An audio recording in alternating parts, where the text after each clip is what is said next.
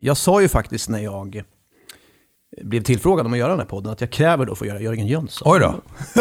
Det är pressure Ja, nu då. ja, jo, på dig. precis. Ja, på mig. Att leda det här framåt Och på ett bra lite, sätt. och lite på dig också. Nej, ja, nej. Jag, jag tar tillbaka. inga ansvar alls.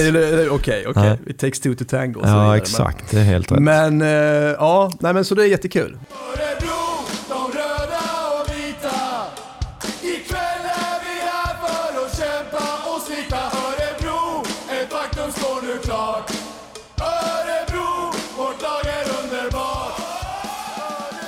Dagens gäst är vår meste landslagsman genom tiderna med 285 fighter för Tre Kronor. Egentligen skulle det här programmet kunna bli en enda lång upprabbling av alla meriter och utmärkelser för få, om ens någon i Hockeysverige kan matcha vår man för dagen. Som ett axplock kan vi ju nämna de två OS-gulden och de två VM-gulden, eller varför inte de fem SM-gulden, plus en hel del andra medaljer. Förstås. Ulf Peter Jörgen Jönsson, välkommen hit! Tack så mycket. Det är en ganska hygglig meritlista som du besitter. Absolut. Hur ofta reflekterar du över det? Att du är mäster landslagsman och, och har alla de här gulden. Sällan egentligen. Eh, Fast mycket mer nu efter. Det är tio år sedan jag slutade som aktiv. Eh, Elva till och med. Så att, eh, mycket mer nu än då. På något sätt så har det hunnit sjunka in och man kan njuta av det och ja, komma ihåg höjdpunkterna. Är Lite god känsla sådär ändå, att, att veta, man kan sträcka på sig och veta att man har uträttat en hel del. Ja, jo, men på något sätt jag lever väl inte kvar i det för historiska så. Liksom på något sätt är det nya, nya mål och nya, upps, nya saker som ska ske varje dag. Så att, Mm. Men visst, det, det är ju en fantastisk hockey, aktiv hockeykarriär jag hade. Det, Mm. det måste man ju säga. Mm. När man tittar tillbaka så är jag jättestolt och glad. Jag är lite nyfiken på alla medaljer och så. Vart har du dem? Eh, De, de flesta, ska jag säga, ligger ju nerpackade någonstans. Eh, ett, Är du en sån eh, också, alltså? Ja, men jag har ett prisskåp som står undanställt lite på övervåningen, lite åt sidan sådär. Det är, inte det, det är ingen som ser det egentligen, Nej. nästan, när man kommer hem. Men där är Om man guldmedalj. inte är Där- invigd. Verkligen. Om inte man är invigd eller aktivt frågar efter dem, då, Nej, då får man, det är ingen hemlighet. Men då får man se. Men där, där är väl de där medaljerna, guldmedaljerna som du nämnde. Mm. Men lika många guldmedaljer har, desto fler andra medaljer har man ju. Ja, just det. Så jag har många som Mm. är undanstoppade som Jaha, ligger, är det de som bara ligger i? är silver och brons. Är det de som ligger i ja, lådor, de ligger i lådan. Ja. Är det så? Ja.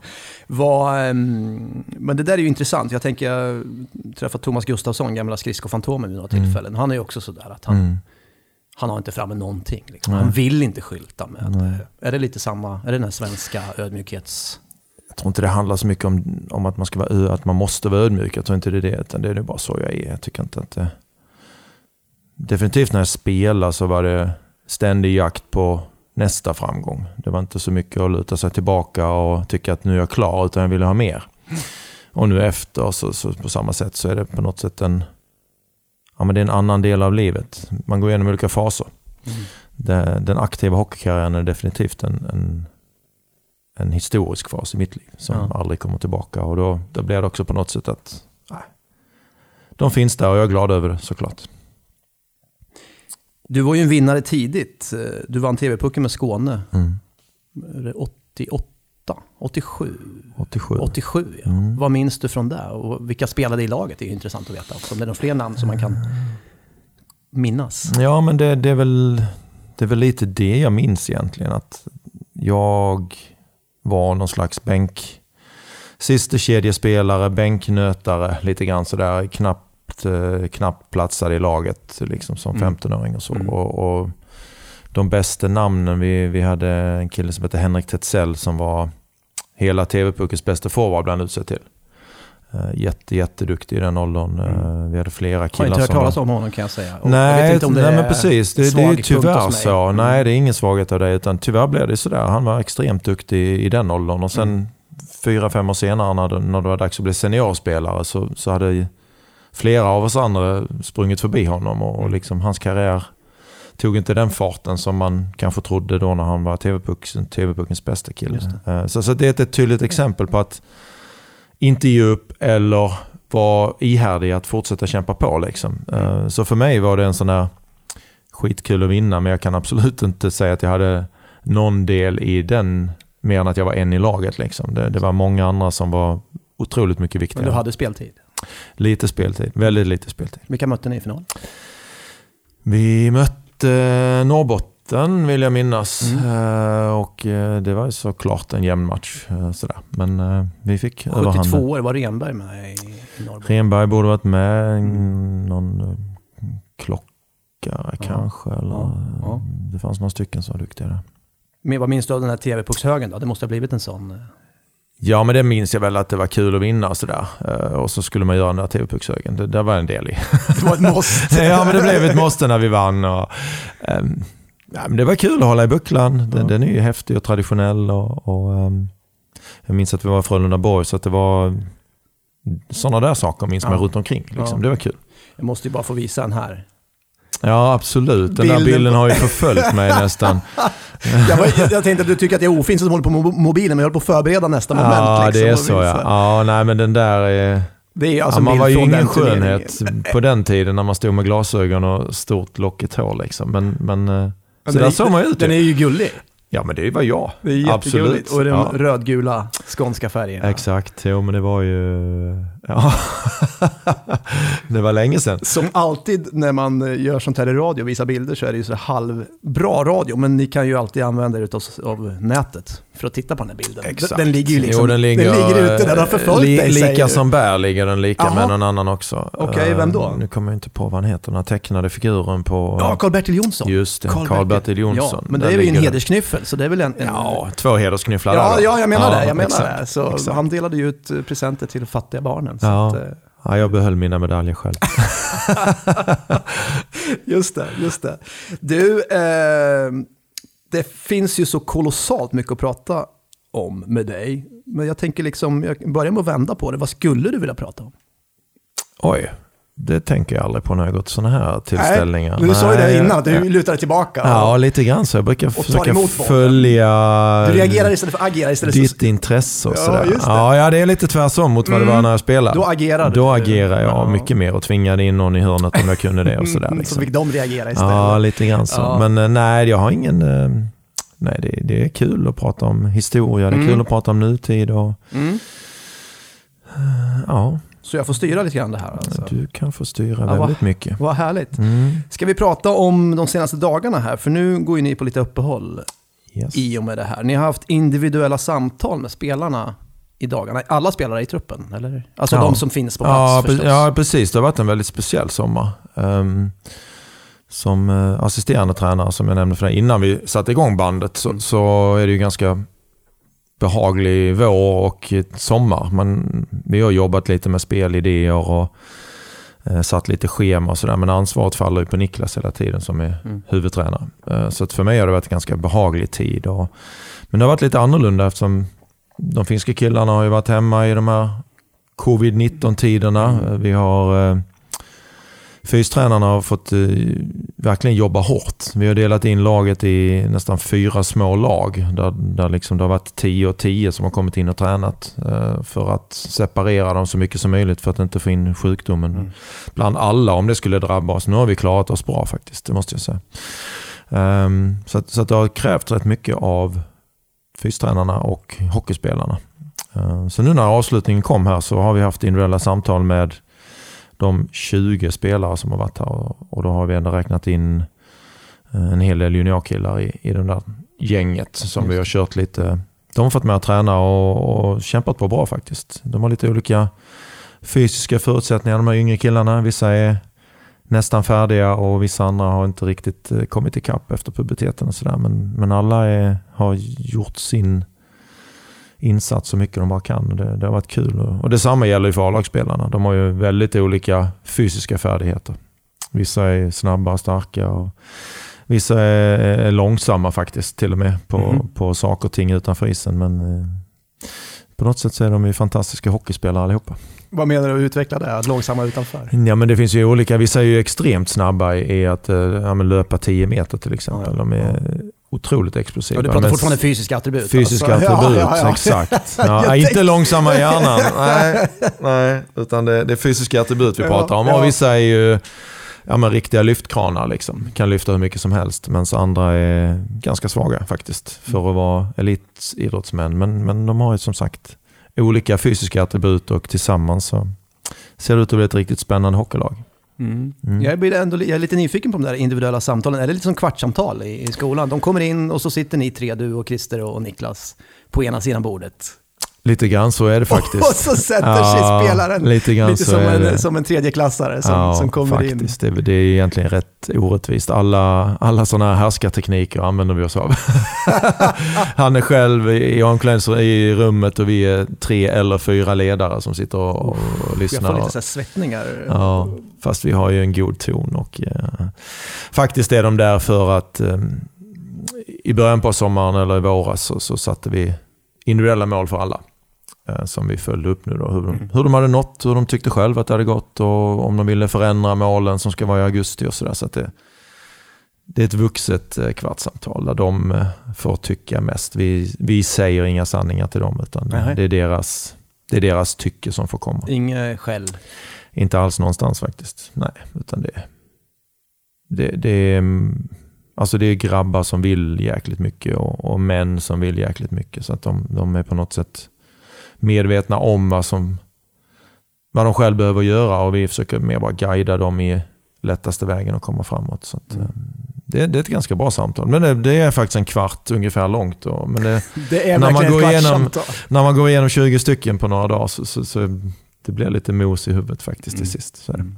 Ni kör inte så här good cup, bad cup-stilen? Nej, den använder vi oss inte av på det sättet. Den, eh, där är det bara bad cup under Jag säsongen säga i så fall. Det, det, det, då, då, då kör vi inte härskarteknik utan då är det face to face om det är allvarssamtal. Det, det gör vi inte alla. Utan, eh, det är en god ton. Vem skulle du ha varit annars om ni hade kört den stilen? Då? Ja, men jag, går, jag, jag pendlar, absolut. Mellan lugn och sansad till att vara ganska upprörd och eh, tydlig i min eh, kravspec till individerna. Absolut. Kommer en hårtork till och med? Under nej, säsong? så- nej, men det tycker jag inte de är förtjänta av. De, de gör sitt bästa, men däremot tydliga krav tycker jag ändå att det här typ räcker inte till. Mm. Vi behöver mer av dig. Mm. Det, det, är ju, det är ju ett sätt att ha hår, hårtork, men inte det där skället. Det, det kommer man inte långt på Blev det lite mer så under våren när det inte var samma självspelande piano som ni var i höstas? Eller hur ska man balansera det där? När det går bra ska man bara låta det vara då så att säga? Och... Ja, men jag tycker ändå vi, vi har gjort det bra tillsammans tycker jag. Nu pratar jag vi ledare. Mm. Vi, vi har faktiskt eh, satt en tydlig idé hur vi vill driva det här framåt och eh, bara för att det går bra så är det inte läge att luta sig tillbaka. Utan på något sätt är det där man sätter en ny standard. Det är så här vi vill ha det varje dag. Eh, och då måste man också påminna dem om att idag nådde vi inte upp till den standarden fast att vi vann. Det har varit lite nytt eh, upplevde jag det i år för, för många av killarna när Örebro nu igen var liksom lite mer framgångsrika. Mm. Det är något som inte man kanske är van vid. Och det var en del av grabbarna som tyckte att det var ganska jobbigt att eh, gud vad ni tjatar på oss. Vi vinner ju hockeymatcher. Ja. Ja, det gör vi, men ser det ut så här så över tid kommer vi inte att vinna.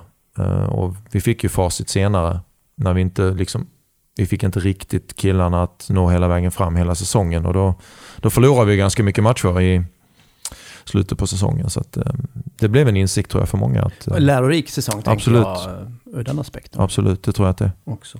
Du, sen när det gäller då truppbygget som ni ju är inne i och som börjar verkligen ta form nu. Det har ju ramlat in några spännande namn på slutet tänker jag. Vi, Mm. Senast var det ju kroaten Borna Rendulic. Jag får Mm. väl reservera mig för uttalet där. Och sen förstås då Nick Ebert, eller Ebert, som dök upp. Om vi börjar med Borna då. Kroater har vi inte haft speciellt många av i, i högsta ligan va? Det tror jag inte. Jag har, inte, jag har dålig koll på så tillbaka statistik och sånt där, inte min grej. Men eh, eh, nej, det kan inte vara så många. Det, det, det blir ett spännande eh, namn och en spännande person som kommer hit till hösten. Mm. Vad vet du om honom? Egentligen inte jättemycket. Ehm, Det är ju Niklas Johansson som, som sköter rekryteringarna tillsammans med Bengt Sen och till viss del Niklas Eriksson. Då. Ehm, Men, eh, nej, men det ska väl vara en toppspelare med liksom ett jäkla bra skott och näsa för mål och, och sådär. Så att, eh, tanken är att han ska göra skillnad. Mm. Ehm, Så det, det ser jag fram emot att jobba med honom. Öst in poäng i Finland bland annat. Ja, precis. Och nu sist i tyska ligan då. Så att, eh, sen ska man komma ihåg att svenska ligan är tuff att spela i. Det, det är mycket pressspel, väldigt lite tid med pucken, snabba beslut. Eh, nästan alla som kommer hit blir överraskade hur, hur svårspelat det är i början. Mm. Så att, eh, jag tror det kommer vara en omställning för honom, men, men eh, hans kvaliteter är ju något jag ser fram emot att, att få jobba med. Mm. Spännande. Och sen då Mm. den, en av de stora snackisarna här senaste tiden är ju då Ebert. Mm. Vad säger de att han... Man rodde den i land, för det var ju det var ett hårt arbete bakom att få, få tillbaka honom. Ja men det verkar det ha varit. Eh, Vi hade ju många backar redan eh, som är duktiga och, och nu har vi ännu fler. tuff börjar se konkurrenssituationen Ja, det är nu. tuff konkurrens på backsidan, Ja, absolut. Eh, Om, om man vill ha istid. Jag hade ju förmånen att jobba med Nick den första, eller sista delen då när jag kom in i Örebro mitt i vintern där. Och och jag tycker att det är en, det är en riktigt härlig kille. Han tar inte så mycket plats sidan om. Ganska skön, jag tror han är om, omtyckt av alla killarna i laget. Eh, på isen så är han ju liksom på något sätt en mer offensiv kraft än defensiv kraft. Men han är ju stark och kraftfull i allt han gör. Så att ehm, man använder han ju egentligen i alla situationer. Så att ehm, det, det är helt klart en förstärkning för oss. Så det, det är kul. Mm. Nu är ju det här inspelat eh, sedan en tid tillbaka då, så att det kan ju ha ramlat in ytterligare något förvärv. Niklas Johansson jobbar ju hårt, så att vi vet ju inte vad som har hänt fram till det där avsnittet sen. Så, så om folk sitter och undrar varför pratar ni inte om den där spelaren som kom in precis. den veckan, då har vi Ja. redan spelat in det här. Ja, så att vi får förhålla oss till det vi vet nu. Du kanske vet något som jag inte vet, men Nej, just nu så, så tror jag att det är ganska... nu går Vi alla har, nog, vi har nog gjort det vi ska för tillfället i alla fall. Nu ska väl Niklas Johansson snart åka och fiska också, så att då blir, Så kanske det. då blir det lite lugnare kanske. Men vad fan håller han på med nu? Va? Vi berörde ju lite grann då eh, ditt och Niklas Eriksson och Christer Olssons eh, samarbete så när ni har de här individuella samtalen och så med, med spelarna. Vilken är din roll skulle du säga? Du är assisterande tränare då, precis som Christer, men, men liksom mer konkret, vilken är din roll? I, Ja, assisterande tränare, ansvar för powerplay och eh, forwards och det offensiva spelet kan man väl säga. Det är väl eh, enkelt på det sättet. Mm. I, I tätt samarbete med, med Christer som ansvarar för backarna och, och boxplay och, och sådär, det defensiva spelet. Men allt går ju på något sätt igen. Liksom. Och Niklas har ju då såklart det övergripande ansvaret för helheten.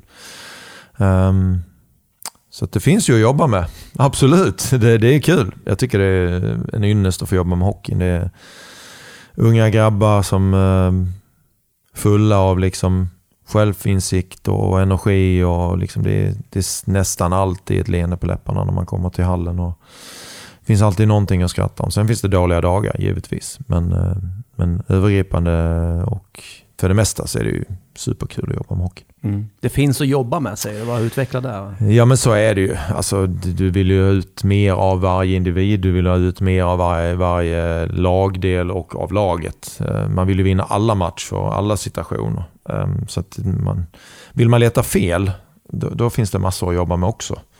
Vill man jobba och bygga på det positiva så, så finns det också bra saker. Så det är hela tiden det ledarskapet man vill bedriva. För min del så, de stora felen får man ju försöka kapa av ganska snabbt. För de fördärvar ju extremt mycket. Mm. Och sen så får man jobba med det som de ändå gör bra killarna. Positiva bitar och jag försöker bedriva ett positivt ledarskap. Jag försöker ha ett leende på läpparna och, och få killarna att må bra. För när man mår bra då presterar man som bäst. Jag är helt övertygad om i, i vad man än gör. Så att det är väldigt lite mm, press eh, som inte...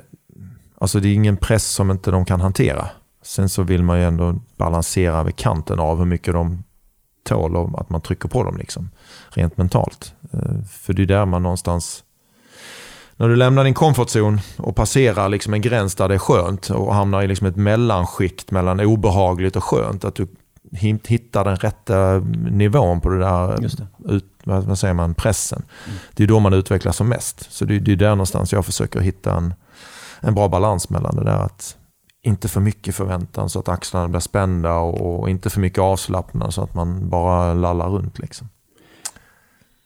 Nej, det känns ju som att ni har en, en hög kravbild, men det är ingen management by fear. Nej, inte på något sätt Så. management by fear. Inte alls, utan vi, vi är väldigt, väldigt positiva i vår, vårt ledarskap och försöker alltid visa det som är bra före massa fel. Liksom. Sen, sen, som jag sa, det finns fel som vi måste rätta till.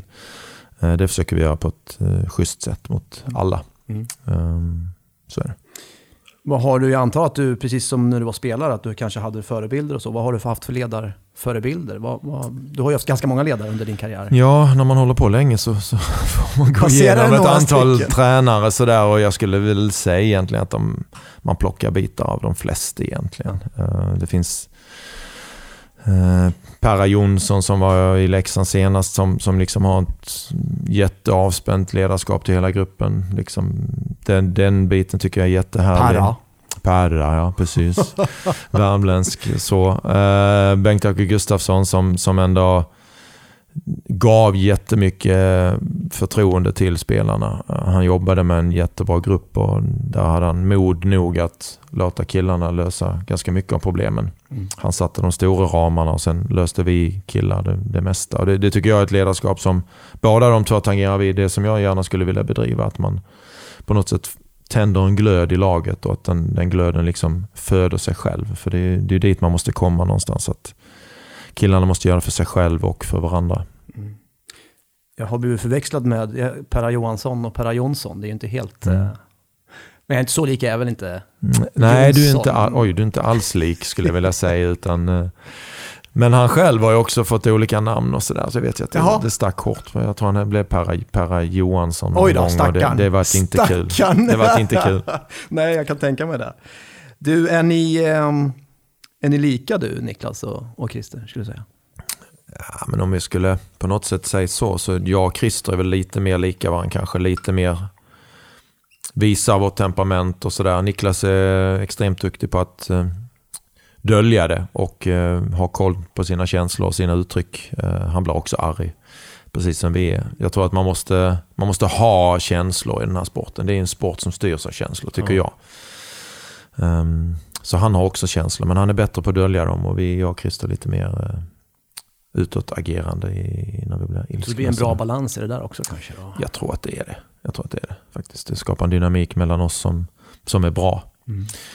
Ehm, Är, är ni tajta utanför också? Alltså, ja, men där har ju Christer och Niklas en, en längre historia. ja. Eh, spelat tillsammans och eh, varit coach tillsammans förut. Och jag har egentligen inte alls eh, rört mig tillsammans med dem mer än för länge, länge sedan när vi var aktiva och spelade i landslaget tillsammans. Så, annars har vi varit bittra konkurrenter i, i många år och det är klart att det som sker på planen det tar man inte med sig nu. Utan det, det, jag tycker vi har ett bra, ett bra gäng. Liksom. Även Kristoffer Eriksson, målvaktstränaren, är ju vi har jäkligt kul när vi jobbar tillsammans och det är rätt kul att åka på resor tillsammans för att vi kan prata och skratta om det mesta. Så att, um, jag skulle säga att det, det är ett skönt gäng att jobba med. Just det. Du nämnde ju att du har spelat både med och mot Christer Mm. i landslaget Mm. med Lillehammer. Du var Niklas, var Christer också med? Niklas var ju med. Där var Niklas med. Niklas Eriksson och du Mm. vann ju OS-guld med Lillehammer. Precis. precis. Så hur var de som spelare då, om vi börjar med Niklas? Och, och. Ja, men ja, jag upplevde han som ungefär samma ändå. Liksom ganska kontrollerad och liksom, det, det är skickliga hockeyspelare vi snackar om. Men han var ju mer kontrollerad tror jag.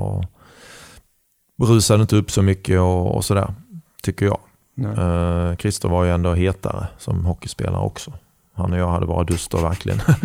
Ehm, Han som back och du som Ja, han som center. back och jag som center. Men jag, jag var inte heller världens snällaste, det, det måste man ju komma ihåg. Och, och liksom, jag var nog rätt elak ibland och sådär. Så han var det också och det, det är klart att det skapar ju Då smäller såklart. det. Ja, då smäller det. Som det ska göra.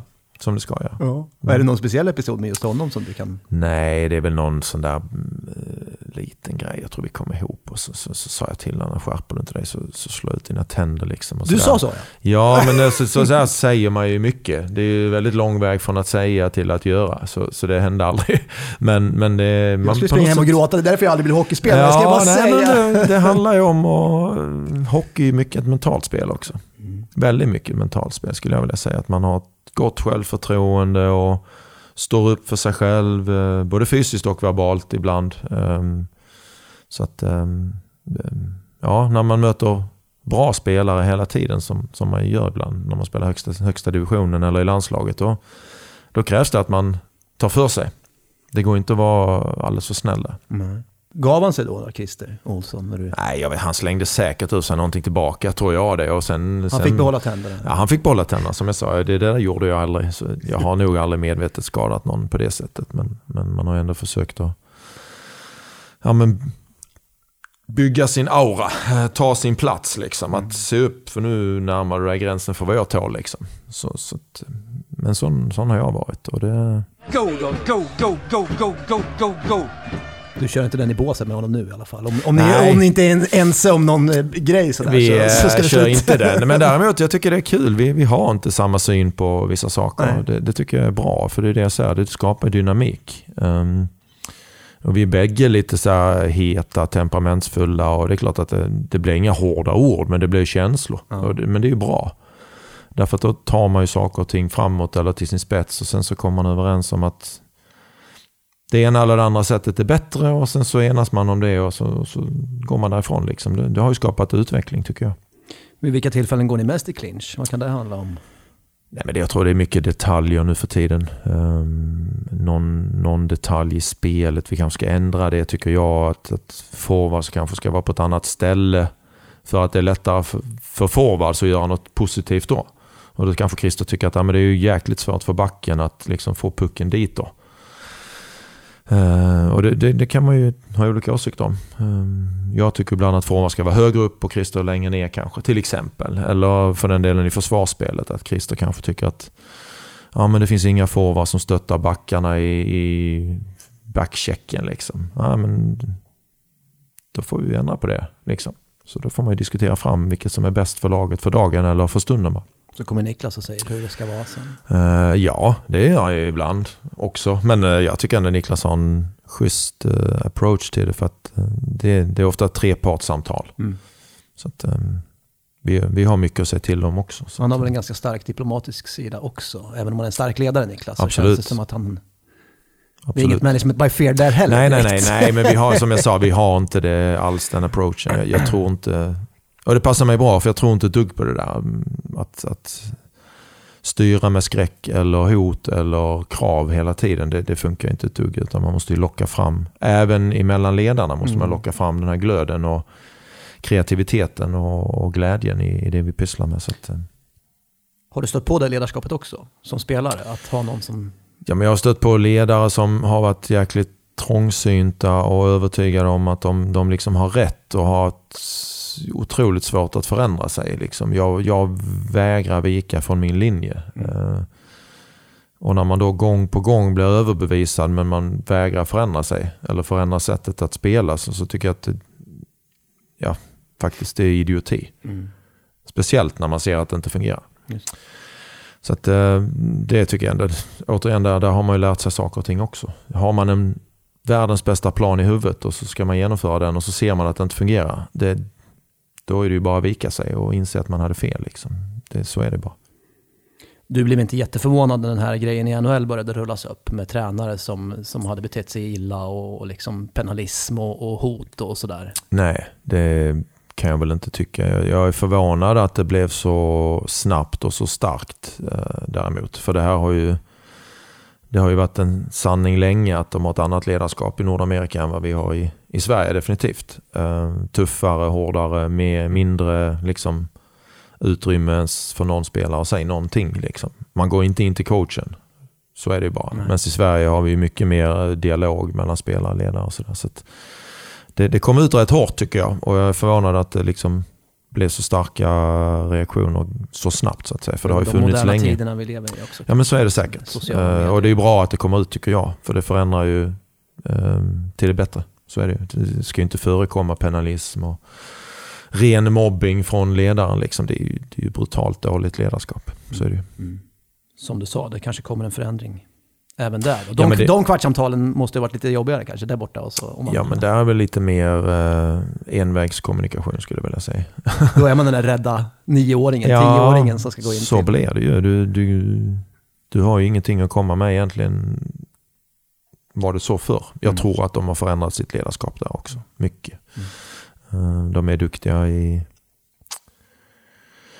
de är duktiga på mycket i Nordamerika. De har kommit lite längre i en professionell liga än vad vi kan få gjort. Eh, Vårt ledarskap är nog eh, det åt det mjukare hållet. Men, men jag tror ändå att de har förändrat väldigt mycket i sitt sätt att se på hockeyspelare och förstår mer att en, en människa som man tar hand om bakom hockeyspelaren levererar mer än att bara liksom straffa och hota. Och sådär. Mm. Så att jag, jag tror de har kommit väldigt mycket längre.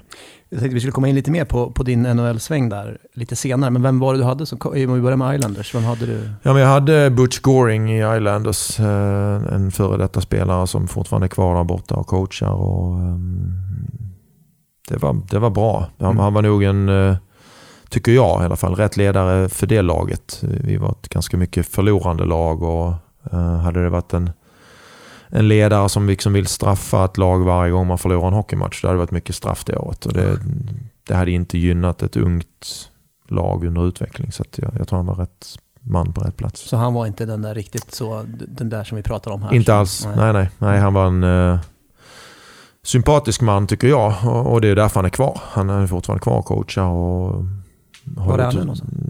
Just för tillfället vet jag faktiskt Nej. inte. Men han är där borta. Och det är han tack vare att han har en mänsklig sida. He who answers the five questions. Three questions. Three questions may cross in safety. But what if you get a question wrong? Then you are cast into the gorge of eternal peril. Oh, wacko. Jag har pratat med lite folk om dig och så. Man vet ju mycket om det. hockeyspelaren Jörgen Jönsson och, och liksom allt som alla intervjuer som har gjort så. Men eh, många säger att du är en väldigt humoristisk människa. Du gillar att skratta och, och skoja till det och sådär. Mm, det var ju kul att höra. Ja, Ja, Stämmer men- den bilden? Ja, det hoppas jag. Det Ja. hoppas jag. Det, det är klart att man ibland är lite för allvarlig och sådär, men jag tycker om att ha kul. Alltså, det är Ja. mycket, mycket roligare i livet om man kan skratta och skapa energi på det sättet. för riktigt den bilden kanske man inte fick när du gjorde spelarintervjuer. Nej, Så, då var du ganska bestämd och Då det- kaptensmässig. Och, absolut. och sådär. Vad är, vad, är, vad, är liksom din, vad är din grej då? Det är ironi och, och liksom lite underfundighet? Och, Ja, ja, men mer så. Ja, absolut. Ironi och underfundighet. Ja. Ja. Nej, jag är inte heller någon som Du drar inga vitsar och sådär? Ja, men jag är ganska dålig på det. Jag försöker, men de blir rätt torra faktiskt. Fast jag skrattar själv kanske. Familjen är bra trött på de där Asså? torra skämten. Ja, nej, det kan vara så här, det mest tråkiga. Men, eh, nej, men man går in i olika roller ju. Så är det. Eh, att att eh, stå som lagkapten, eller för den delen coach nu, så, så det är inte alltid läge att vara humoristisk och, och lättsam, utan ibland så måste man vara lite allvarlig. Men som sagt, sidan om eh, planen och hemma bland vänner och, och sådär så, så tycker jag nog om att skratta och försöka hitta energi på det sättet. Det, det tycker jag är kul. Vad skrattar du själv åt? Men Jag kan skratta åt eh, engelsk torr humor, eh, alla John Cleese och, Mm. och sådär. Det går bra. Jag kan skratta åt, eh, jag kan skratta åt bra skämt. Jag, jag försöker hitta humor i det mesta. Liksom. Det, bloopers, det är ju sjukt roligt. Eh, så, så att, eh, ja, nej men det, why not? Ja. Jag tycker liksom att det, Jag hade ju Mattias Bromé här eh, senaste avsnittet och då tog jag upp Seinfeld. Så, Ja. Har du sett något utav? Ja, fast det är ingenting jag har lagt på minnet. Men Ja. det sitter jag också och skrattar åt, absolut. Det är ju väldigt Kramer var, och- vardagliga Ja, situationer. exakt. Liksom, misslyckade förhållanden. Ja. Och, Ja, men man känner igen sig mycket i det och det, det är kul att skratta åt det också. Liksom. Mm. Det, vem har inte gått in i en dörr eller vem har inte sagt fel sak till fel person? Eller, du vet, det är som du säger, vardagshumor är Mm. toppen. Liksom. Man börjar tänka, har jag verkligen, hur har jag agerat nu? Det var kanske helt utanför ramarna. Som Exakt så. En, Ja. Enligt den sociala kontexten. Liksom. Så, Precis. vad, vad, men skratt är viktigt som jag förstått i alla fall. Det, det, Jo, men det, det är det. Ja, absolut. Mm. Eh, Det, finns ingen, det finns ingen annan väg att gå tycker jag. Nej. Var går gränsen där då? För jag tänker så här, pranks och sånt är ju jättevanligt i hockeyvärlden. Mm. Är det, finns det en gräns där? Du pratade om en gräns tidigare med, med liksom, eh, ledarskap och så. Mm. Ja, men det är ju svårare att utföra pranks när man är ledare. Ja, ja. Det är inte så uppskattat alltid av killarna för de hamnar i underläge direkt ju. Så, så pranks, då undviker du det då? Eller? Ja, det är inte många pranks jag, jag utför längre. Nej, men ibland. som spelare var det Som spelare var det mycket. Mycket? Absolut, ja. Nej, det var, det var viktigt. Vad, vad, be, be, exemplifiera. ja, men det fanns väl alla möjliga. eh, Allt från enkla saker som att eh, nu pratar vi träklubbor. Vi pratar länge tillbaka där man satt ett litet snitt i nästan. klubban. Ja, nästan så. Så att klubban gick av första gången de rörde pucken. Liksom. Det var lite roligare då när de kostade 300 kronor styck än att de kostar 3000 som de gör idag. Sådana saker, det var kul tyckte jag. Eh, skära lite i skridskosnöret så att när de snurrade skridskorna så gick det sönder. Liksom. Det, det är kul. Eh, favoriten var nog ändå svart skokräm in i fodret på hjälmen. För när de liksom då blev svettiga så, där, så var det ju, kletade ju det ut i pannan. Ja, den är ju det var kul. grövst Det var kul. Eh, Det, det var tycker kul. du, ja, ja. men- men det är humor tycker jag. För det skadar ingen och det kostar inget. Ja. Fast det är inte jättekul att få det där kladdet. Eh, nej. nej, men jag kan gott säga att jag fick tillbaka lika fick mycket. det, ja. Ja. Mm, absolut. Emil Kåberg har ju gästat den här podden också. Han är ju också tydligen en riktig... Vi kan inte ta med upp det, för vi pratade om så mycket annat med, med, med det var motorcyklar och hans gård och allt vad det var för Mm. någonting. Hans hästar och sådär. Men han är en riktig pranker och fortsätter att vara det. Han gillar ju det. Han har ju en eh, position nu som materialförvaltare där man kan ställa till med hyss hur lätt som om, helst. Snacka om rätt man på rätt plats. Ja, men det tror jag nog att han tycker faktiskt. Jag tror han trivs med den där positionen och han älskar ju Practical Jokes. Han Ja. också. Så vi, när vi spelar tillsammans då, då har vi väl utsatt varandra för ett och annat sådär. Absolut. Det, det, det är kul. Han körde tydligen räkost i örat på en av killarna på kontoret där. Är det, är det okej, tycker du? Ja, men jag tycker det. du tycker det alltså? Ja, om, om, om liksom, det, det, det är samma sak här. Gränsen kan gå, dras ganska långt om bägge skrattar. Och inte någonting går sönder eller liksom blir eh, ja, men du vet, fördärva. Eller den ene absolut börjar gråta. Det är ju inget kul. Då har man ju misslyckats med sitt skämt. Så att eh, om, om bägge skrattar och, och man ser humor i det bå- båda två, då, då tror jag att det, då kan man dra det rätt långt. 10 snabba med dagens gäst. Vem är den bästa du spelat med? så började det med en sån där som man måste ha en hel kvart på sig att prata om. Jag har ju spelat med alla. Eh, Jag brukar nämna Mats Sundin, Peter Forsberg, Niklas Lidström, Henrik Lundqvist, Kenny Jönsson eh, med flera. Eh, nej, Jag tycker att det är... Eftersom jag har fått... Nu blir det ett långt svar. Ja, Spelar man i OS-turneringarna med alla världens bästa killar, NHL-proffs inräknat, och får man med i ett sånt lag, så då har man spelat med jäkligt många bra spelare I sanning. i sanning och, och att välja ut någon av dem, det tycker jag är sådär. Alla var Det är som otroligt... att välja bland sina barn nästan. Eller? Ja, men jag snudd på.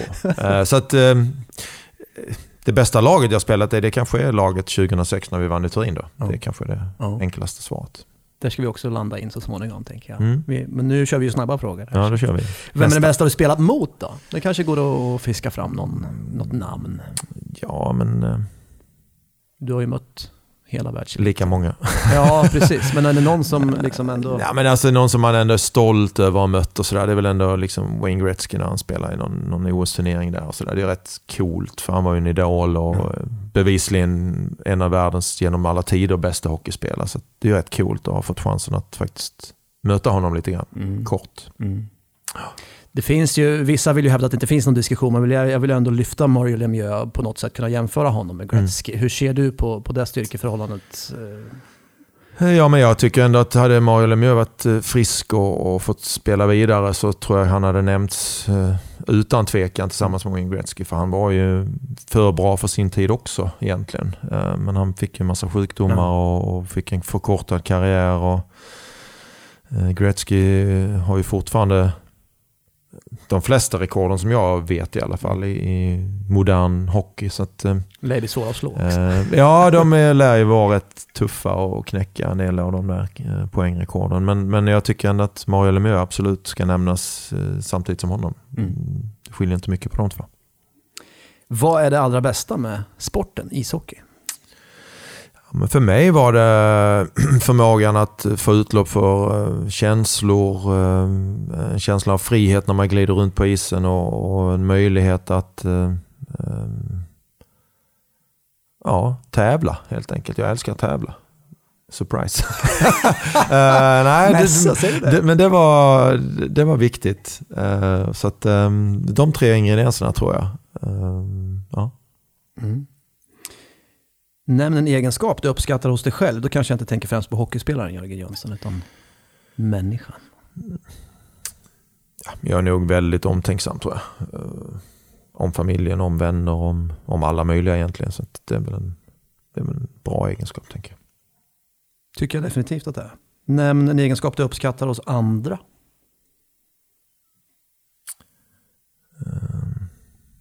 Ja men ärlighet tror jag ändå är på något sätt, det kan vara brutalt ibland men, men på något sätt så tror jag ändå att det, det skapar en grund att förstå andra människor. Vad, vad står du för? Vem är du? Liksom.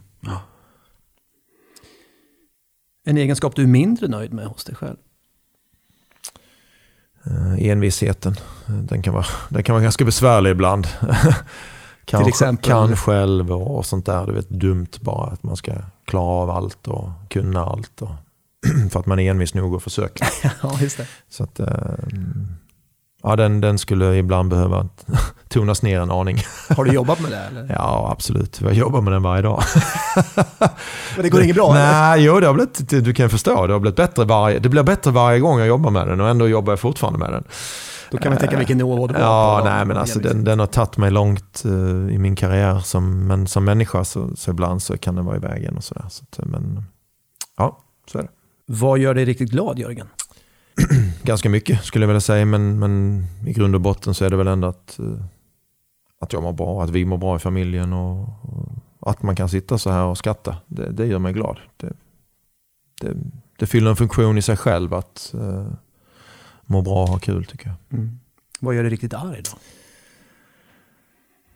Ja, men det är väl någonstans tvärs emot det här ärligheten och, och sådär onda avsikter eller lögner och sådär som är uppenbart sårar andra. Det, det förstår jag inte riktigt eh, vad det ska vara bra för. Senaste film eller serie som du såg? Wow. Det är sådana här sjukdomstider nu när vi pratar och då tittar man mycket på tv men jag vet inte tusan ens om jag kommer ihåg namnet på den där streamingtjänsten senaste film som jag tittade på. Um, dottern där hemma sitter och tittar på uh, Grey's Anatomy Jaha. heter det väl. Ja, det nu det. i repris igen. Hon har sett den där innan. Det är väl typ Eh, 15 säsonger eller Ja, sånt något sånt. Och hon har liksom Ja. tuggat igenom en hel ansenlig massa säsonger på den här våren. Liksom. Du har råkat se några avsnitt. Så, så sitter jag ibland där och, och håller henne sällskap. Precis. Den har rullat där hemma också, ska jag säga. Mm. Jag har inte tittat så mycket, men det finns andra familjemedlemmar som, Ja, som tycker att det är bra. Och Ja. det är det säkert också, eh, exakt. på något vis. Vad hade du pysslat med om du inte hade gjort karriär inom hockey, Jörgen? Ehm, Det är så länge sedan som jag ens tänkte på de där tankarna. När man var ju en liten grabb bara. När man eh, drömde om allt. Och sen så helt plötsligt kom man på att man var jävligt bra på hockey. Eh, Jag hade nog eh, haft någon slags uniform på mig. Kanske brandman eller militär kanske. Ja. Mm, Det var nog de två som kanske hade kommit närmst tror jag.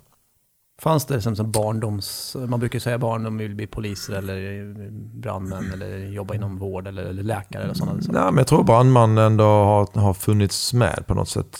Varför brandman före polis, det vet jag egentligen inte. Men det, det är lite coolare kanske att släcka bränder än att, än att Jaga jaga tjuvar. Så. Men, men eh, militär är ganska enkelt därför att det var ju Ängelholm och så fanns det en flygflottilj med mm, ganska coola gubbar som flög sådana här häftiga snabba jaktplan som man gärna hade suttit i istället. Så att pilot och militär, det, det, hade, det var inte långt undan. Ja, för tusan. Hade jag fått välja igen hade jag blivit det direkt. Om jag får välja, bara fritt. Absolut. Men har du gjort lumpen? Ja, I Ängelholm? ja. Det var ju... Jackpot? Ja, På ett Ja, sätt. precis. Alltså, då, redan då fanns det ju ett mått eh, av framtidsanda inom hockeykarriären. Så att, eh, jag var otroligt tacksam att jag fick den chansen att liksom göra militärtjänsten hemma i Ängelholm.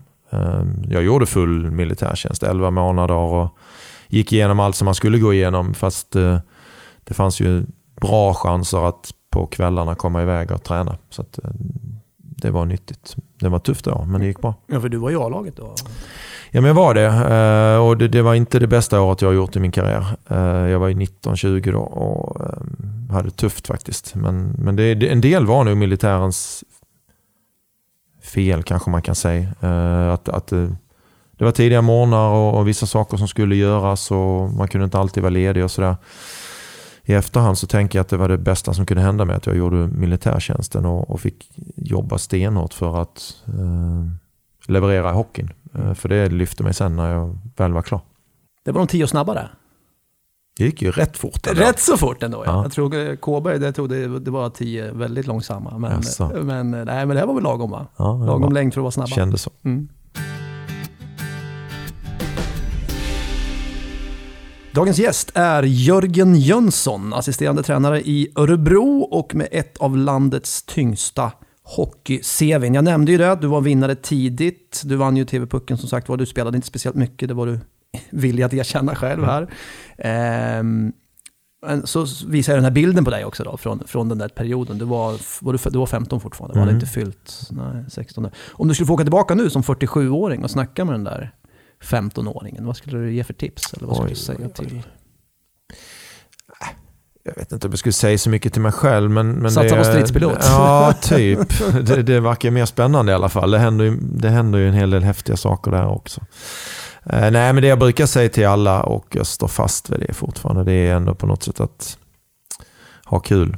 Eh, någonstans i allt, allt det här att det är krav och man måste träna mycket. och så måste man ändå någonstans när man går och lägger sig eller när man vaknar känna att fan det här är kul liksom. Det är kul att ta ut sig, det är kul att träna, det är kul att sitta i bussen i åtta timmar när jag ska spela match. Liksom. Det, det är kul att inte kunna hänga med polarna när de går på strandparty. Det, det måste ändå vara kul att göra, att göra de här valen. För, för det är, att nå hela vägen fram det är så, så liten chans för de flesta. Alla ska drömma om det, absolut. Och, och alla ska tro att de kan göra det. Men för att man ska orka göra det också så då måste man ha kul. Och det, det är väl någonstans där jag försöker ändå uppmuntra alla att känna efter att varje del i det hela ska ändå vara på något sätt kul. Sen kanske man kan komma tillbaka Just för stunden är det inte roligt, men, men om man vaknar dagen efter och känner att ja, men det var ganska kul att springa upp för den där idiotiska Sörbybacken som, som Örebro Hockey gjorde igår, så, så, så tror jag att killarna kan tycka att ja, fasen, det var ganska kul, fast just när man genomför det så är det ju brutalt. Liksom. Känner du ändå att du får lite, vad ska man säga, du får lite lön för allt slit med tanke på att du nu kan ändå luta dig lite grann tillbaka och känna att du är stolt över någonting du har uträttat? Alltså att, Jo, men det tycker jag nog. Ehm, varje gång man eh, tog ett beslut som kanske inte alla andra tyckte var himla lika kul eh, så var man ju tvungen att ifrågasätta sig själv eller tro på sig själv extremt mycket. Ehm, så det kan jag ju tycka nu när jag är 47 och ska prata med en 15-åring att tro på dig själv och ta dina egna beslut. Det är ju, det är ju A och O liksom. För ska man gå samma väg som alla andra går det brukar inte, det brukar inte leda längre. Utan man måste gå sin egen väg tror jag. det låter ju ungefär som att du har haft det till, till, tillbaka till framtiden, att du har haft en tidsmaskin. Och, för det, låter som att du har sagt det där redan till den där 15-åringen. Mm. Ja, men det, det, jag vet inte, jag har haft tur med fina föräldrar och, och sunda värderingar som, som ändå har hjälpt mig på vägen. Och, och de har alltid stöttat, inte, inte krävt utan stöttat. Så att, eh, det är så jag försöker bedriva mitt ledarskap och mitt föräldraskap idag också. Just det. Vad kul att du kommer in på den bryggan, för jag var lite grann på väg in till det. Hur, hur hade ni sporten naturligt, du och, och brorsan Kenny, hemifrån? Eller? Men vi hade den bara naturligt så sätt att vi, att vi liksom te fick testa mycket och prova på mycket och sådär. Min, mina föräldrar, eller våra föräldrar ska jag säga, är inte några sportfantaster och inte varit några framstående idrottare på något sätt på den nivån. Mm. Men vi har alltid haft ett eh, aktivt, eh, vad säger man, socialt liv och liksom försökt att hitta på saker. Och mamma och pappa är ju fortfarande idag liksom ganska pigga och sådär, 70 år och hittar på mycket saker. Så att det har ju hänt mycket alltid i livet. Och klättra i träd och springa och spela och fotboll och allt möjligt. Och de har alltid uppmuntrat oss att följa det vi känner. Liksom. Vill ni testa så ja, men vi försöker testa det också. Då, liksom. så, så det har varit bra. Har de varit på mycket matcher och följt er? Ja men det har de varit, absolut. De har åkt eh, land och rike runt och, och eh, stöttat eh, i att de har, tror jag, tyckt det varit kul att, att vara nära. Och så har de fått se mycket av Sverige på samma gång. Det var väl fler än, det var väl flera stycken som tyckte att, ifrågasatte varför de la så mycket tid på oss och liksom följde efter oss eller stöttade oss och sådär. Men, men det är jag ju och Kenny också grymt tacksamma för idag. Liksom att, jag tror det är en del i framgången att man har haft saker och ting tillsammans och prata om eller hjälpa varandra framåt i. Liksom. Mm. Hur var syskonkärleken då i, i, hemma hos Jönssons? Ja, men, som alla andra syskon skulle jag säga. Två bröder som, som jag tycker vi har haft respekt för varandra och, och med varandras val och sådär. Liksom, det är klart att det har gått hett till hemma hos oss också. När man är tonåring och, och två grabbar som pysslar med liksom en sport med testosteron eller vi båda håller på att liksom bli män. Så det är klart att det går hett till. Men jag skulle ändå vilja säga med respekt. Vi har aldrig haft något slagsmål. Fysiskt boxningsslagsmål. Utan det har varit brottningsmatcher och kraftmätningar. Men det har aldrig varit liksom skadehänseende. Utan vi har haft den respekten för varandra. Och där har väl föräldrarna varit också ganska tydliga med att nu räcker det. Och så, ja, då har det räckt. Då liksom. det. Ja, precis. Och sen tycker jag ändå det har varit en... Det där är ju tidiga tonår eller mitten tonår. Sena tonår så tycker jag ändå det har varit en sporre och en, en jakt i att försöka hjälpa varandra liksom. Och bli bättre och sådär. Vi har aldrig umgåtts i samma gäng. Eh, Det skiljer två år på mig och Kenny, han är min lillebror. Vi har aldrig umgåtts i samma gäng och sådär. Eh, Så det har väl också varit att vi har haft två helt skilda sociala liv och och det tror jag ändå har varit nyttigt för oss. Var han i underläge då? Jag tänker att du var två år äldre och så. Var Jo, det- men när vi var tidiga tonår då var han i underläge. Då var jag ju starkare och sådär. Sen, sen växte han ganska mycket och blev mycket starkare. Så att då var det ju slut på de fysiska Då tog du eh, steg tillbaka. kraftmätningarna. Då, då försökte jag styra över det till mentala spel istället. Så, så, så att eh, det gäller att vara smart. För går man sig in i kraftmätning när han var 17 eller 16 och jag var 18, liksom, då, då, det var tufft då. Då, då var han stark och stor. Mm. Du nämner ju, berör ju nästan lite grann själv, men alltså hur mycket har ni att tacka varandra tror du för era framgångar? Just det med att spara varandra. Och... Ja, men jag tror vi har väl allt. Och, alltså på något sätt, man, värderingarna man får med sig och uppväxten man har, det är ju det som, som sätter tonen för hur man blir som människa skulle jag vilja säga. Jag tror väldigt många har svårt att förändra den man är. Så jag, jag brukar säga dem och tacka för allt. Så är det ju. Ehm, jag har ingenting att se tillbaka på med sorg utan det har varit en ständig lärdom och utvecklingsresa hela tiden. Han gör ju då karriär over there Mm. i New York Islanders. Du gör en, en stor karriär här i Sverige. Han kommer ju hem sen och väljer att avsluta spelarkarriären i Ängelholm. Var det någonsin aktuellt för dig överhuvudtaget? Att... Ja men under många år så hade jag nog den planen ändå att, att liksom på något sätt komma hem igen och få visa liksom att tack för allt tillbaka till Rögle och sådär. Eh, jag försöker fortfarande framhäva Rögle som en otroligt bra plantskola där, där jag gick igenom. Ehm, men efterhand som tiden gick och, och Rögle var kvar på något sätt i, i din lägre divisioner och då var det ju inte aktuellt. Jag kände fortfarande att jag fortfarande kunde leverera. Jag spelade ju i landslaget och jag hade liksom ingen lust att avsluta karriären i det skedet.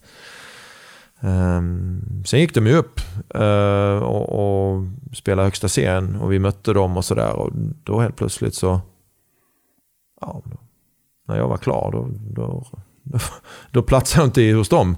Så att, eh, Kändes det som en då- blev taskig timing, eller? Ja, taskig timing men, men det, var, det blev så bra. Ja. Jag tycker inte att det var någon taskig timing. eh. Nej, men lite så här snopet då kanske. Ja, det hade varit kul att, att få genomföra det, till exempel tillsammans med Kenny. Eh, Men eh, nu blev det inte så. Jag, jag hade fina år i Färjestad de sista åren också. Jag fick avsluta med SM-guld det sista jag gjorde. Liksom, och, ja, bättre än så hade inte karriären kunnat avslutas egentligen för mig personligen. På min tid, då gick det undan. Så därför kör vi veckans återblick.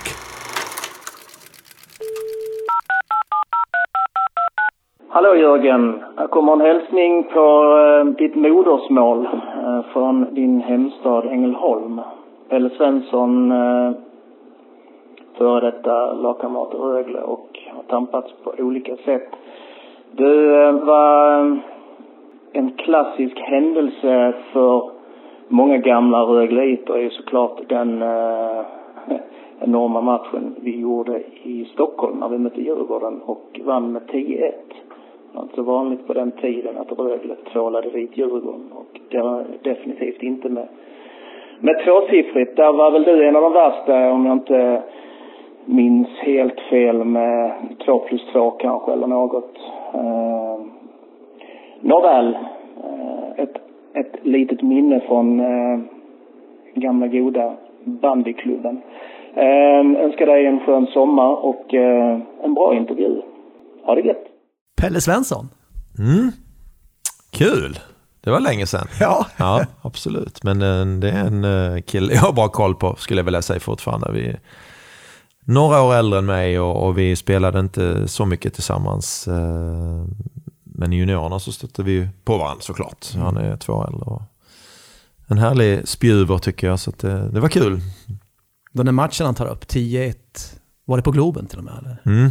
Ja. Det var ju fantastiskt. Fullsatt Globen och lilla Bonnalaget från Ängelholm kom upp och, och tvålade dit storstadens stolthet kanske. Med risk för att AIK och Hammarby blev förbannade här nu. Men, men tvålade till Djurgården med 10-1 i alla fall. Det var ju fenomenalt.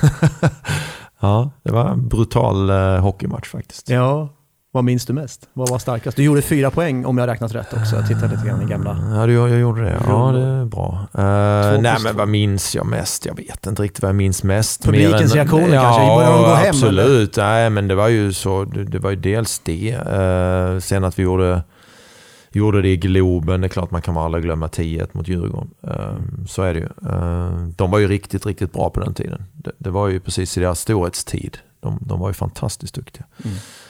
Eh, ja, nej, det var sjukt rolig hockeymatch. Det visar lite vilken verkshöjd ni hade också när allting stämde för.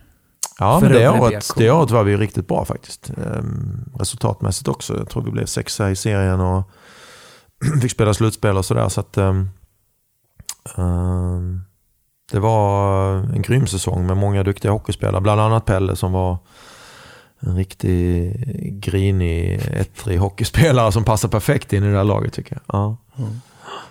Hur mycket skåning är det kvar i det? Ja, Han sa ju det, här kommer en hälsning från, från hembygden. Mm. Liksom. Hur mycket? Du har ju bott i Värmland nästan hela ditt vuxna liv. Mm.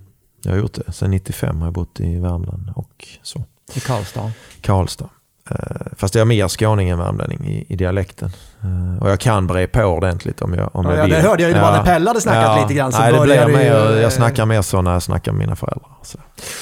Men annars så är det väl dialekten på det här sättet, normalt sett. Mm. Men, ni, nej, ni, det är ju ingen värmländska att tala om. Nej, det är det inte. Den är svår tycker jag. Den- Den är härlig att lyssna på, men jag tycker den är svår att applicera på de här R'n som jag använder mig av fortfarande. Och sådär.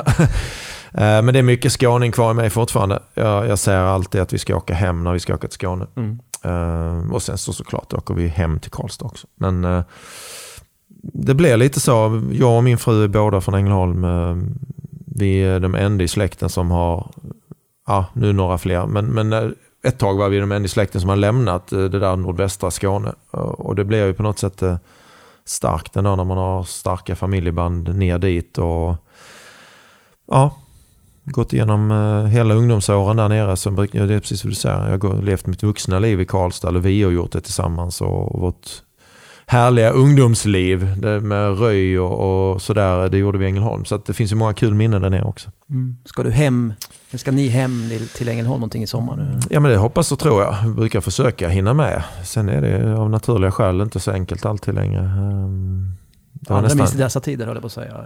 Ja, dels det. Det ska man inte glömma bort att, det, att man ska resa och få träffa så lite folk som möjligt egentligen. Ehm, och hålla social distansering så, så är det såklart lite svårare. Men, eh, ja, men vi har kommit in i den fasen i livet nu där, där barnen är vuxna och, och börjat jobba. och vi åker inte sådär familjesemester längre så att det blir väl jag och frugan som kanske drar ner några dagar när vi, när vi andan faller på. Just det. Barnen följer inte med längre på... Nej men de vill nog gärna. Men som jag sa så de jobbar nu och ja, det, det är en ny fas i livet som eh, jag ska inte säga att det ställer till det, men det är annorlunda. För förut så var det så här, okej skolledigt, okej nu åker vi allihopa. Eh, Frugan är lärarinna och Jag har alltid varit ledig i juli som hockey, jobbar med hockey. Så är man alltid ledig i juli. Så det har varit väldigt enkelt att ha semester tillsammans. Ehm, Men nu är det inte det längre. Så får vi se vad det blir. Hoppsan, vad händer här nu då? Undvek du ordet proffs medvetet där? Det kändes som att det skulle komma ett hockeyproffs. Ja, nej, men det, det har. Ja, jag har känt mig som... Nej, jag har inte känt mig som proffs. Nej. Jag har varit det, men jag har inte... Alltså jag har varit det, proffs, men jag känner mig inte som ett proffs. Eh, Jag brukar säga att jag var hockeyspelare och, och jag har pysslat med hockey. Handelsresande i hockey. Det är man också. Eh, Det finns många ord på det där och alla de där stämmer, men, men jag har inte... Alltså för mig... Jag vet inte om jag ska säga proffs, för, för på något sätt så, så tycker man att man... Mer än alla andra kanske. Det finns ju jäkligt många hockeyspelare i världen eh, och i Sverige. Och jag har väl såklart haft turen eller skickligheten att vara, vara bättre än många, men vi har alla lagt ner lika mycket tid, så jag tycker insatsen är... Insatsen som många andra gör är beundransvärd. Eh, jag coachade division 1 i Forshaga ett tag. Eh, det är ju hjältar som pysslar med hockey på division 1-nivå. Du vet, knappt något betalt, offra fem sex kvällar i veckan på att fortfarande odla, försöka odla någon slags dröm och hockeyintresse. Och de flesta av dem vet ju att de inte kommer att bli proffs, om vi nu säger så. Då. Men ändå så lägger de ner hela sin fritid på att ha kul tillsammans. Liksom. Det, det är beundransvärt tycker jag. Mm. Jag tänker också eh, Ängelholm, Skåne, Karlstad, Värmland. Det, fin- det är ju två landskap med väldigt stark identitet. Mm. Dessutom, både Värmland och, och Skåne. Om du skulle jämföra dem lite grann. Om vi ska generalisera då, det är ju naturligtvis, eh, finns ju men alltså värmlänningen och skåningen, hur?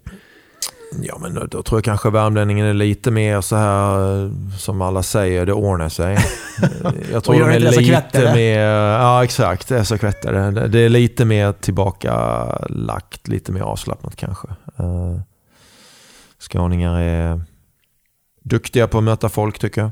Eh, Det, är ju en mångkulturell, mångkulturellt landskap med många influenser från, från framförallt på sommaren med turister och så vidare. Så från Danmark och Tyskland såklart. Men, eh, så, så på så sätt så tror jag ändå att eh, skåningar är, är duktiga på det. Men det finns en nyfikenhet i Värmland på andra människor också. Så att eh, de är inte inskränkta och insnöade i sitt utan de är också vana vid att eh, liksom, ha ett öppet sinne. Och det, det tycker jag det uppskattar med båda de där Mm. landskapen. Två ganska patriotiska landskap. Är det väl ändå, får man säga. Ja men det får man ju säga. De, de, de är stolta över sitt och de har ju gått igenom en hel del med sina eh, geografiska placeringar. Så finns det ju en lång tradition av historia och sådär. Så att de är ju stolta över sitt. Så du kan hitta lite, vad ska man säga, gemensamma Det referenspunkter. finns många gemensamma referenser tycker jag. Liksom, Mm. att, Närheten till Norge i Värmland, närheten till, till Danmark. Precis så. Så. Ja, så lite det finns ju, autonoma eh, i någon mening. Ja men så kanske. blir det och det, det finns många som liksom byter landsgränser och hälsar på eller gör turistäventyr och sådär. Så att det, det blir ju en mångkulturell eh, samling av eh, folk. Liksom. Och det, det, det tror jag kanske mer i sådana här gränslandskap än vad det är inne i landet. Liksom. Mm. Typ eh, Närke och sådär. Du nämnde ju dialekten där också. Att du, du hade väl knappt ens försökt tyckte jag du sa. Eh, För annars är det en lite identifikations... Jag, jag bodde i Jönköping ett tag. Jag blev ju anklagad för att börja prata småländska. Mm. Inte med som här skorrande, utan mer att dialek, alltså ton, toneringen. Ja. Började prata så här lite grann. Att jag Ja. liksom använde den här. Okej. Märkte det inte själv, men sen jag, så förstod jag nog att jag hade börjat göra det lite grann. Men Mm. du kanske är tryggare i dig själv. Att du behöver liksom inte Nej men som jag sa. att, anpassa eh, dig. Så. Nej, men när jag pratar med föräldrar och, och, och släktingar och vänner från Skåne så, så tycker de ju att man pratar mer värmländska kanske. Och när jag pratar med värmlänningarna så tycker de att jag pratar skånska. Så att jag är Ah. väl någonstans mitt emellan där tror jag. att det, ehm, Ja, Men- inte hemmahörande någonstans kan man, kan man säga så? Eller? Ja, det låter ju hemskt. Dialektalt Nej, menar ja, jag jag förstår. Det var bra, Ja. var bra att du förtydligade. Ja. Men du blir, ju aldrig, du blir ingen Per Jonsson i alla fall. Eh, Nej, det tror jag inte. Det kommer nog alla bli. Och du blev ju inte brandmästare heller. Så att, eh, Exakt. det skiljer ju också. Det skiljer. Det skiljer också. Jörgen Jönsson, tiden bara snurrar på här. Vi har ju massor kvar att prata om. Mm. Så att jag tänkte att vi får, liksom, eh, vi får säga tack för nu och sen så fortsätter vi nästa gång. Okej, då gör vi så. Ja, ni lyssnat på Örebro Hockeys podcast med Jörgen Jönsson som dagens gäst. Stort tack för att ni har lyssnat. Jag heter Perra Johansson och den här sändningen produceras av Peraspectra Produktion i samarbete med Örebro Hockey för Örebro Hockey. Vi hörs med Jörgen Jönsson igen då vid nästa tillfälle. Ha det gott så länge tills dess.